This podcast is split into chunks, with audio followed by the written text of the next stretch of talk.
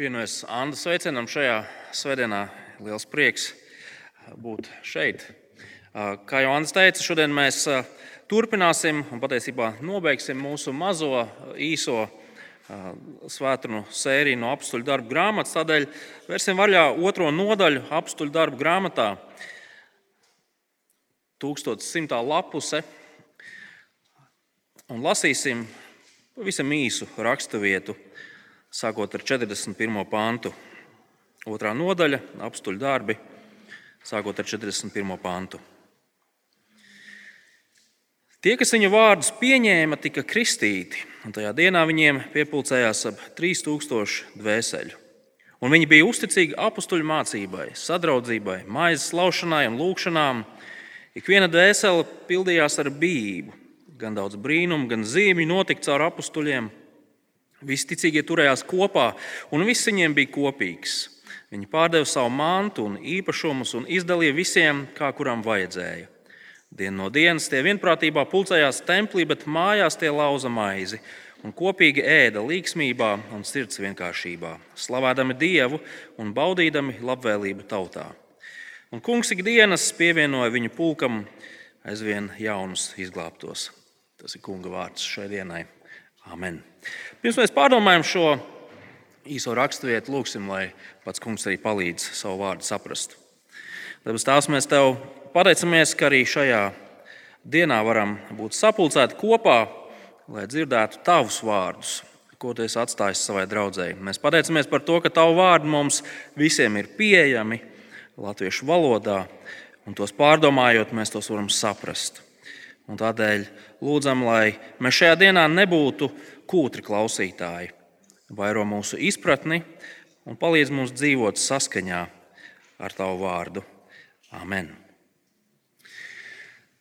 Kristīga draudzene. Kas ir pirmās asociācijas, kad jūs dzirdat šo vārdu savienojumu? Kas ir pirmās asociācijas, kas nāk prātā, varbūt dzirdot mūsu draugas, reformāta pārgājas draugas nosaukumu? Kā jūs raksturotu to, kas ir šī draudzene vai kristīgā draudzene kopumā? Kas tā ir svarīgs?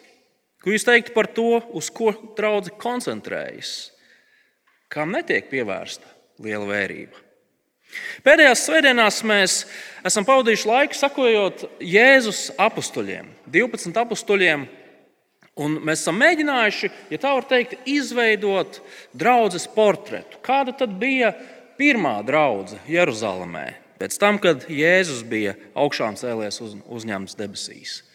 Un mēs esam pavadījuši laiku domājot par to, kas tad ir šādas draudzes misija, kas bija pirmās draudzes stingrais pamats, uz kā tā stāvēja. Un mēs arī domājam par to, ko tad pirmie kristieši mācīja.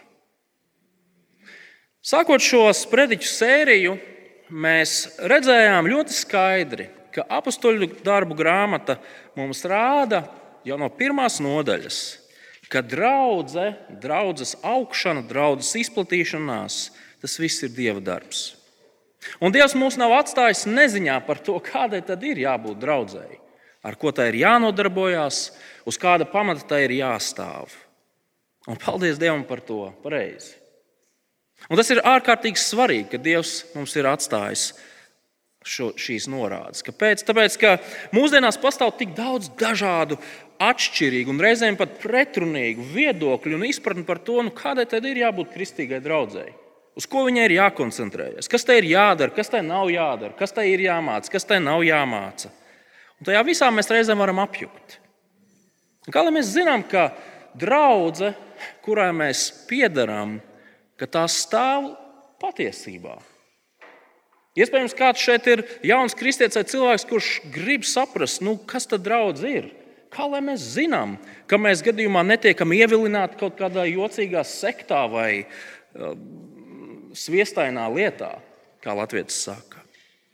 Bet kā mēs varam izvērtēt to, ka mūsu draudzene, kas jau pastāv sešus gadus, joprojām turās pie Dieva vārda atklātās patiesības? Mums visiem ir jābūt drošiem par to, ka mēs zinām, kas ir draudzene, kādai tai ir jābūt ka tā nav pieslēgusies kādam cilvēku mācībām vai filozofijām. Un šīs dienas raksturvieta mums palīdz. Turpina palīdzēt, tā laikam būtu labāk teikts. Jo Lūka, šīs grāmatas autors, mums ļauj ieskatīties tajā, kāda bija pirmās kristīgās draudzes dzīve, kā viņi dzīvoja, nu, kā izskatījās Jeruzalemes draudzene, ar ko viņi nodarbojās. Un, un neskatoties uz to, ka ir pagājuši 2000 gadi, Laiki, paradumi, kultūra mainījusies pareizi. Mēs nedzīvojam pie vidusjūras, arī geogrāfija ir mainījusies. Taču tāpat laikā mēs redzēsim to, ka ir lietas, kuras raksturo pilnīgi visas kristīgas draudzes, bibliskas draudzes, nemainīgas lietas. Un nav svarīgi, vai draudzene ir liela vai maza, vai tā ir skaļa vai klusa, jauna vai veca, ar pašiem ar savu īpašumu vai apakšīrnieki nav nozīmes. Ir lietas, kuras pavisam noteikti raksturo visas kristīgās draudzes. Un šīs dienas raksturvietas atslēgas pants ir 42. pants, kas patiesībā ir kā tāds kopsavilkums visam tam, kas raksturo šādu pirmā gadsimta, jeb kristīgu draugu. Skatieties, 40, 41. un 42. pantu. Tie, kas viņa vārdus pieņēma, tika kristīti, un tajā dienā viņiem piepildījās ap 3000 dvēseli. Un viņi bija uzticīgi apstuļu mācībai, sadraudzībai, maizes laušanai un lūkšanai. Draudzes dzīvi raksturo uzticība vismaz trim lietām. Un vārds uzticīgs ir ļoti aktīvs vārds. Grieķu valodā šis vārds nozīmē arī nodoties, pievērsties, sevi ieguldīt. Citiem vārdiem sakot, te ir runa par svarīgo, par prioritātēm, par to, kam ir nozīme. Pirms pāris nedēļām es ar saviem vecākajiem bērniem un pāris draugiem uh, aizgājām uz arēnu Rīgas. Tad nebija uh, būts. Nu, skatījāmies Latvijas izlases maču pret Serbijas izlasi. Un, draugi, es atļaušos teikt, ka tas bija izcils piemērs tam, ko nozīmē nodošanās, Visa sevis ieguldīšana. Un es nerunāju tikai par tiem spēlētājiem, kas centās gūt punktus un, un, un, un, un cīnīties pret garo bobanu. Es runāju par skatītājiem. Desmit tūkstoši rīkles līdz nemaņai izkliegtas, rokas asiņainas. Es biju pārspīlējis, bet lai jūs saprastu, nodošanās līdz galam par savu komandu. Skaista uzvara. Draugi, tad no šādu ap pašu apņēmību Draudzē ir uzticīga trim lietām, kuras paņemot nost, tā vairs nebūs kristīga draudzene. Un šīs trīs lietas ir apakstuļu mācība, sadraudzība un lūkšanas. Aplūkosim šīs trīs lietas un pa vidam izdarīsim kādus secinājumus. Pirmā lieta - viņi bija uzticīgi apakstuļu mācībai. Pirmie kristieši nodevās, ja bija uzticīga apstuļu mācībai. Kas tā par mācību? Mēs visi zinām ļoti vienkārši. Tā ir tā pati mācība, ko mācīja Jēzus. Apstuļi mācīja to, ko bija mācījis Jēzus. Jau apstuļu darbu grāmatas sākumā, 1. nodaļas 8. pantā, Jēzus viņiem teica, jūs būsiet mani liecinieki. Apstuļi nemācīja savas domas, viņi nemācīja kaut kādas fantāzijas, viņi nesāka kaut kādu jaunu kustību ar jaunām filozofiskām idejām vai jaunu praksi. Nē, viņi atsaucās uz Jēzus mācību. Viņi runāja par to, ko Jēzus bija darījis. Klausoties apstuļu vārdos, pirmā gadsimta cilvēki dzirdēja pašu Jēzu. Viņi redzēja pašu Jēzu. Un mēs redzam, ka kristīgā ticība savos pamatos nebalstās kaut kādās mistiskās lietās, kaut, kādā, kaut kādās balsīs, kuras mēs varam dzirdēt. Nē, pirmie kristieši nāca kopā, lai klausītos. Un vēlāk, tad, kad apakstuļu vārdi bija pierakstīti, lai, lai lasītu apakstuļu mācību un domātu līdzi tam, ko viņi dzirdēja, un pakārtot savu dzīvi saskaņā ar to, ko viņi dzirdēja. Pirmie kristieši, ja tā var teikt, viņi iedarbināja visas dieva dotās pelēkās šūnas, kuras mēs saucam par smadzenēm, un mēģināja uztvert, saprast un pielietot visu to, ko apstuļi mācīja. Reizēm jauni kristieši es gribēju teikt, līdzinās dēlēm, bet es izmantošu citu piemēru. Viņi līdzinās jaundzimušiem bērniem, kuri ir piezīdušies pie mātes krūts un nelaižās vaļā. Viņi grib vēl un vēl.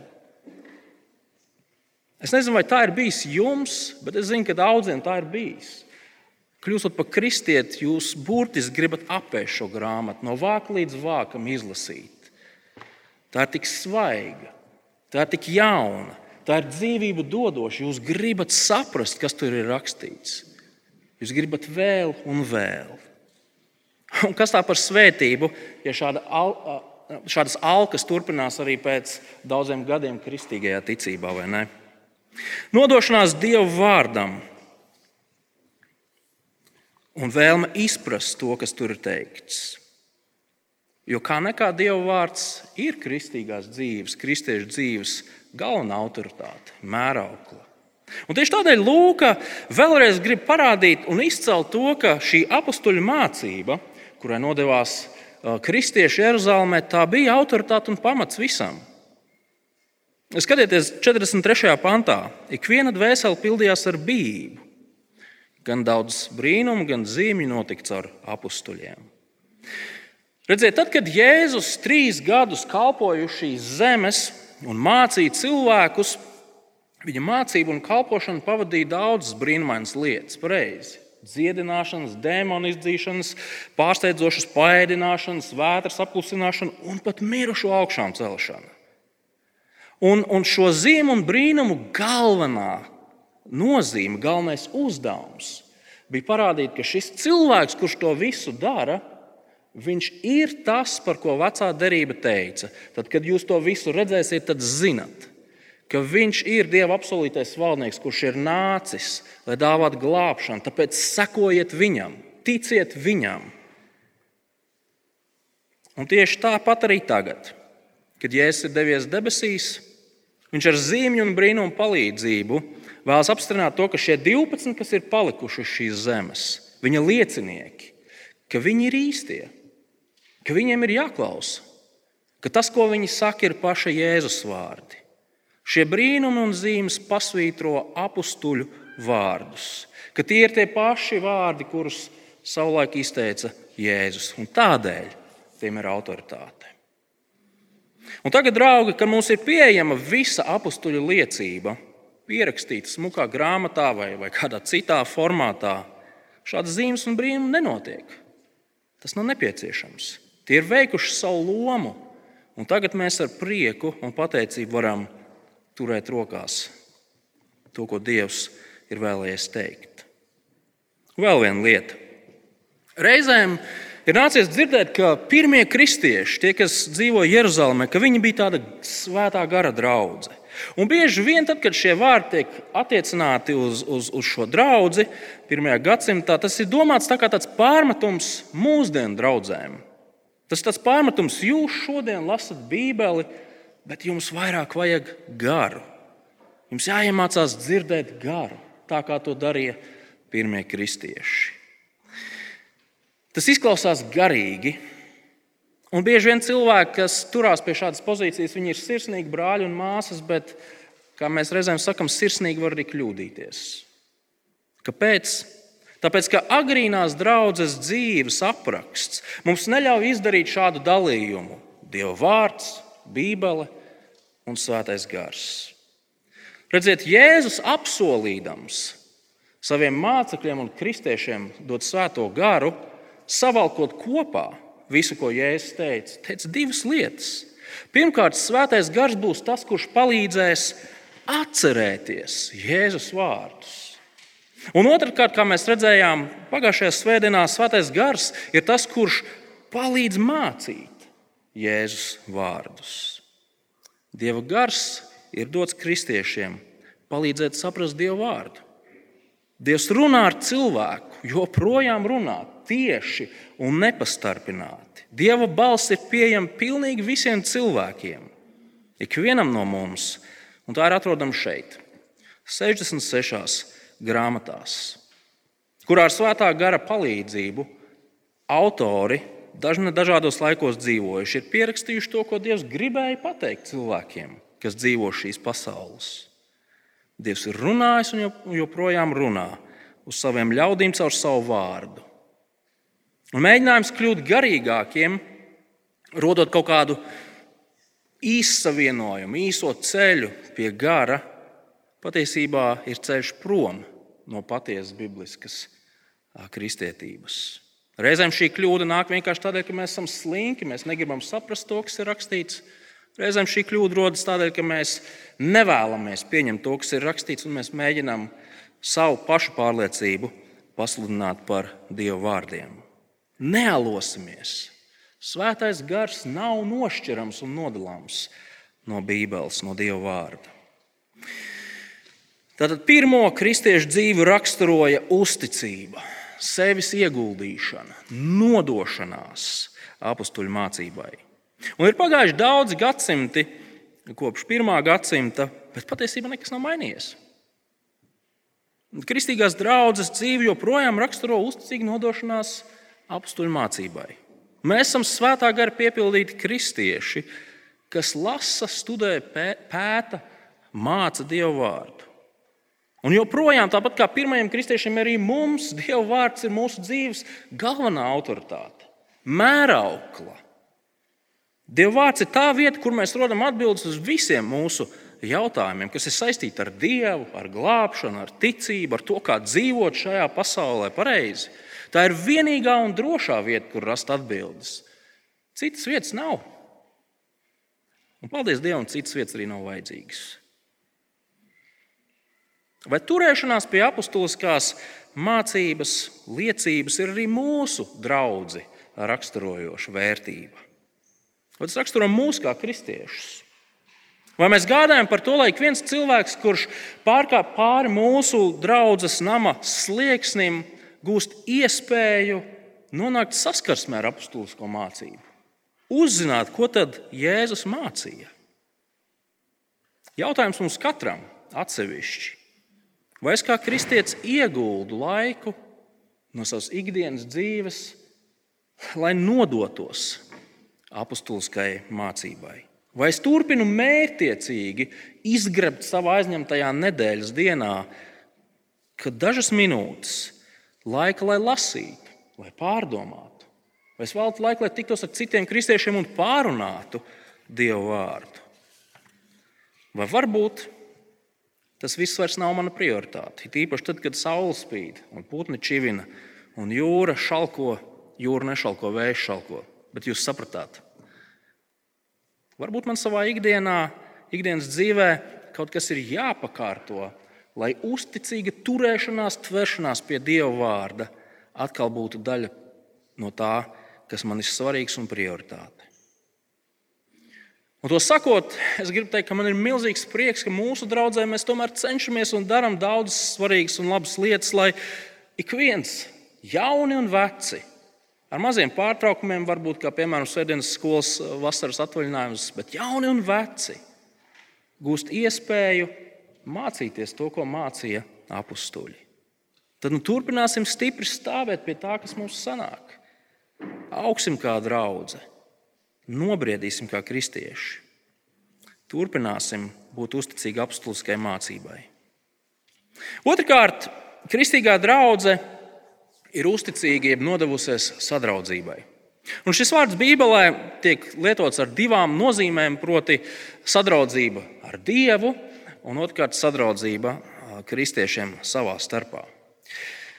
Varbūt tas ir tikai man, Bet tad, kad ir runa par kristiešu savstarpējo sadraudzību, kaut kāda iemesla dēļ, bieži vien kristiešu aprindās pastāv tāds uzskats, ka sadraudzība tas ir nu, pēc dievkalpojuma, tēja, kafija, cepumiņi, vai varbūt tās pēc garas darba dienas mēs satiekamies, lai padraudzētos ar kristiešiem, uzādot saldējumu vai, vai picu.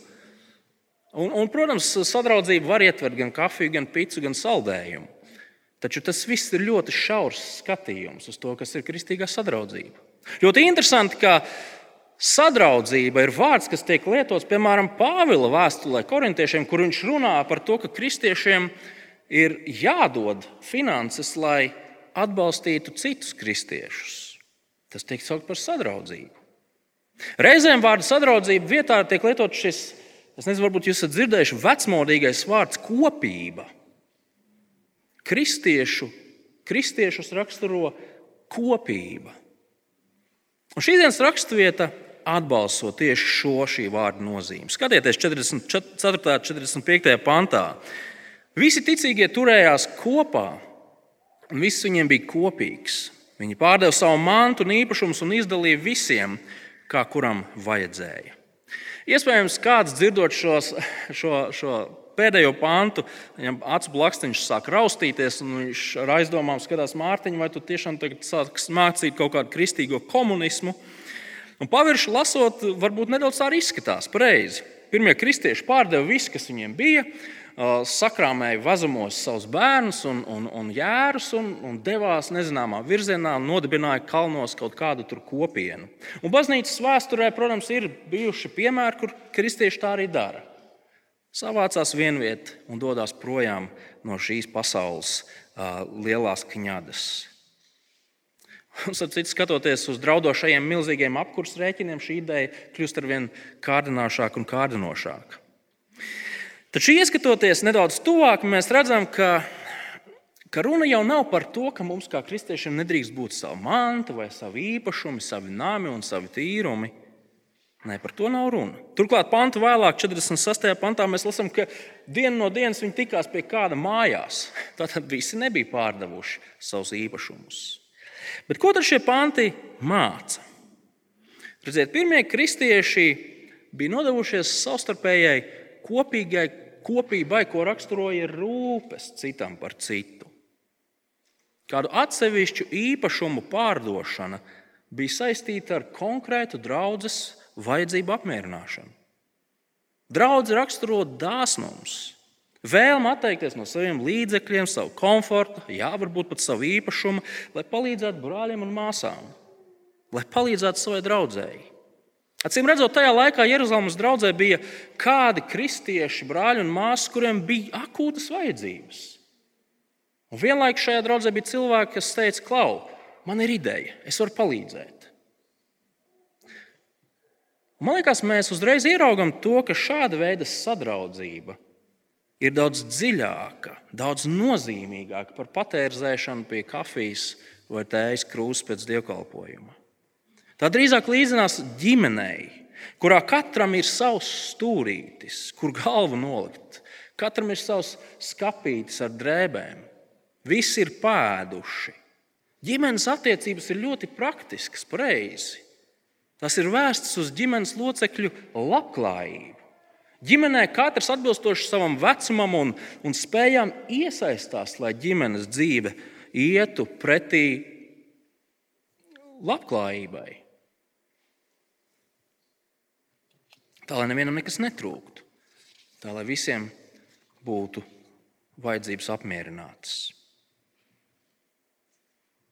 Kristīgā kopība, sadraudzība, rūpes citam par citu ir tas, kas raksturo kristīgu draugu. Es domāju, ka 42. pantā un arī 46. pantā minētā maizes laušana arī ir daļa no šādas kopības. Skatieties, 48. pantā. Dienu no dienas tie vienprātībā pulcējās templī, bet mājās tie lauza maizi un kopīgi ēda līgsmībā un sirds vienkāršībā. Ir komentētāji, kas saka, ka šī maizes laušana visticamāk norāda uz vakarēdienu. Un iespējams, ka tieši tā arī ir. Aiz maizes laušanas arī stāvēja um, šī, šī ideja par to, ka kristieši nākot kopā baudīja vakarēdienu, kā arī mēs šajā dienā baudīsim. Taču skaidrs ir viens, ka šeit ir runa par kaut ko daudz plašāku nekā tikai un vienīgi šo vakarēdienu. Tajā laikā kopīgas maltītes bija ārkārtīgi svarīgas. Tas, ka cilvēks sēdēja vienvietā kopā pie viena galda, nozīmēja un liecināja par to, ka visi tie, kas sēž ap šo galdu, viņi ir savējie. Viņu starpā valda uzticēšanās. Viņu attiecības ir īpašas. Viņa kopā būšanu raksturoja līgsmība, prieks. Tāpat to raksturoja sirds vienkāršība. Šis izteiciens sirds vienkāršība nozīmē vienkārši to, ka eh, viņa starpā valdīja godīgums, atklātība. Tur nebija kaut kāda slēpta sirds motīvu. Sakiet, vai jūs negribētu šādas attiecības, šādu sadraudzību, šādu kopību? Vai es negribētu šādu sadraudzību, kurā varam priekpilni palīdzēt citiem. Un, ja nepieciešams, bez bailēm lūgt palīdzību citiem. Kristīgu draugu raksturo šāda sadraudzība. Tā ir praktiska, tā ir vienkārša, tā ir atklāta, tā ir priekpilna. Vai tas ir kaut kas, ar ko jums asociējas kristīga draudzene? Vai tas ir kaut kas tāds, par ko jūs varat teikt, jā, paldies Dievam? Ideāli jau nav, bet man ir brāļi un māsas, ar kuriem es varu būt šādās attiecībās. Mēs esam aicināti, kā kristieši, nodoties šādu veidu attiecībām, būt uzticīgi šādai sadraudzībai. Un, lai to īstenot, protams, mums ir jābūt reālām attiecībām ar cilvēkiem, pareizi. Un tad arī mēs pamanīsim citu vajadzības. Lai mēs varētu griezties pie, pie draudzes brāļiem un māsām bez bailēm, tad, kad mums ir grūtības vai problēmas, tur ir jābūt zināmai uzticībai, pareizi. Es zinu, ka aizņemtajā darba dunā, darba nedēļā reizēm ir grūti atrast laiku normālām attiecībām ar sievu vai bērniem, kur nu vēl ar citiem cilvēkiem. Bet kāpēc gan neieplānot atkal mērķiecīgi, nedomāt par to, kā es varu satikt citus cilvēkus? varbūt kopīgas vakariņas. Varbūt garajās eh, vasaras brīvdienās mēs varam atpūsties kopā ar kādiem citiem. Tas prasa plānošanu, tas prasa apņemšanos, varbūt tas ir nedaudz nērti, atkal jākārto māja. Tagad ir saulains laiks, māja nav jākārto, tiekamies ārā. Bet patiesība ir tāda, ka mums visiem tas ir nepieciešams. Mums visiem ir nepieciešams reāls attiecības ar citiem kristiešiem, lai mēs varētu dzīvot, izdzīvot savu ticību un pieaugt savā ticībā. Es atceros, ka Žants Pauls Sartrs savā, savā lugā, savā darbā nav izējis rakstīja, ka elle ir citi cilvēki. Iespējams, ka kāds garajā, garajos mājasēdes mēnešos viņam saka, lūk, cilvēks, kurš saprot to, kā es jūtos, Bet patiesībā ir pavisam otrādāk. Mēs, kristieši, uzskatām, ka sadraudzība ar citiem brāļiem un māsām ir brīnišķīga dieva dāvana, kurām mēs esam aicināti sevi ieguldīt, kurai mēs esam aicināti būt uzticīgi. Pirmie kristieši savā ikdienas dzīvē bija uzticīgi apstuļu mācībai, Viņi bija uzticīgi šādai praktiskai sadraudzībai, jeb kopībai viens ar otru.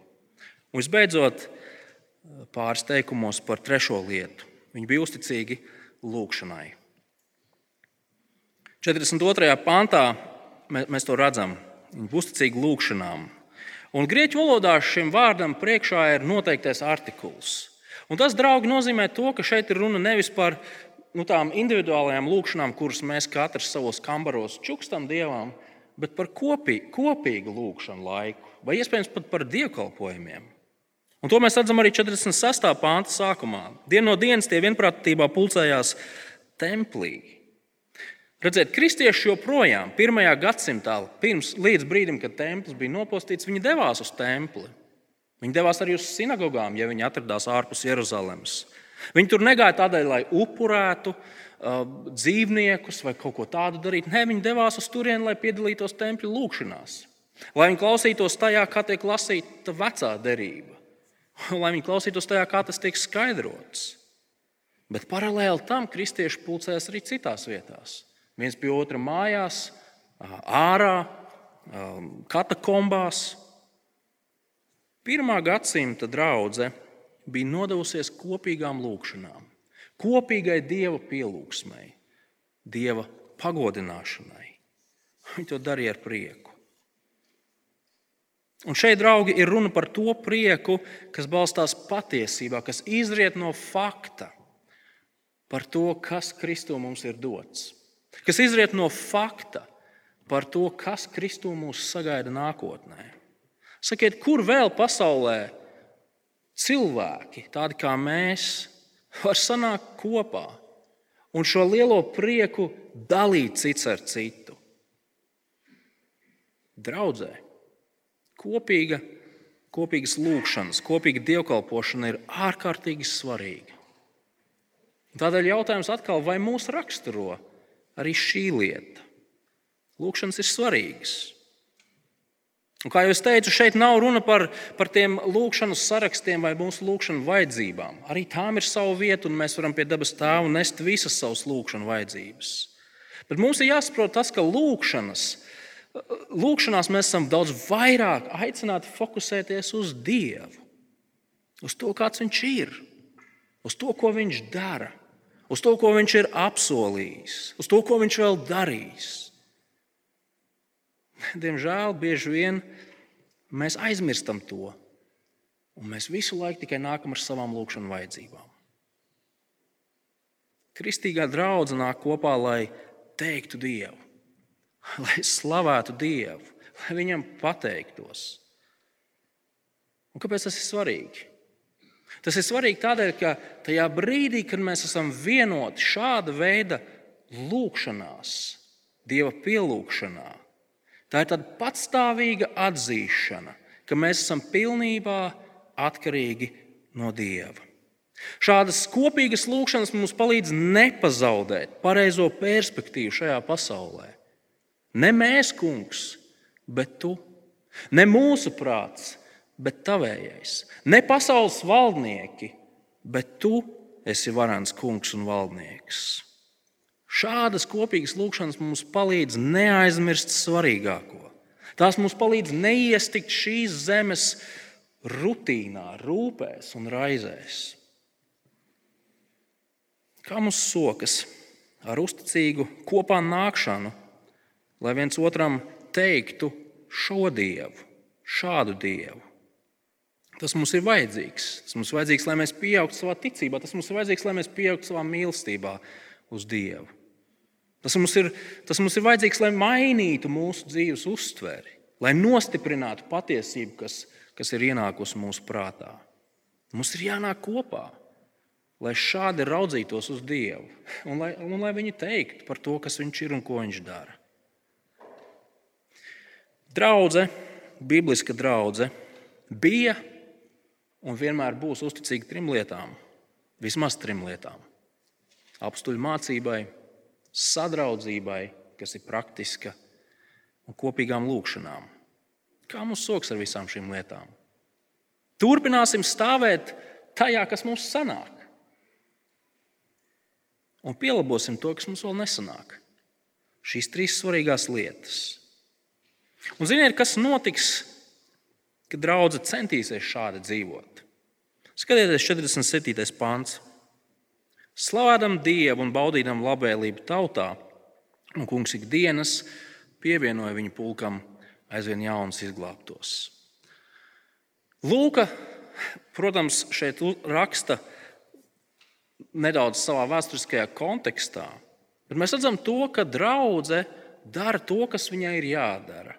Un Dievs turpināja savu draugu audzēt, pievienojot tai jaunus izglābtos cilvēkus.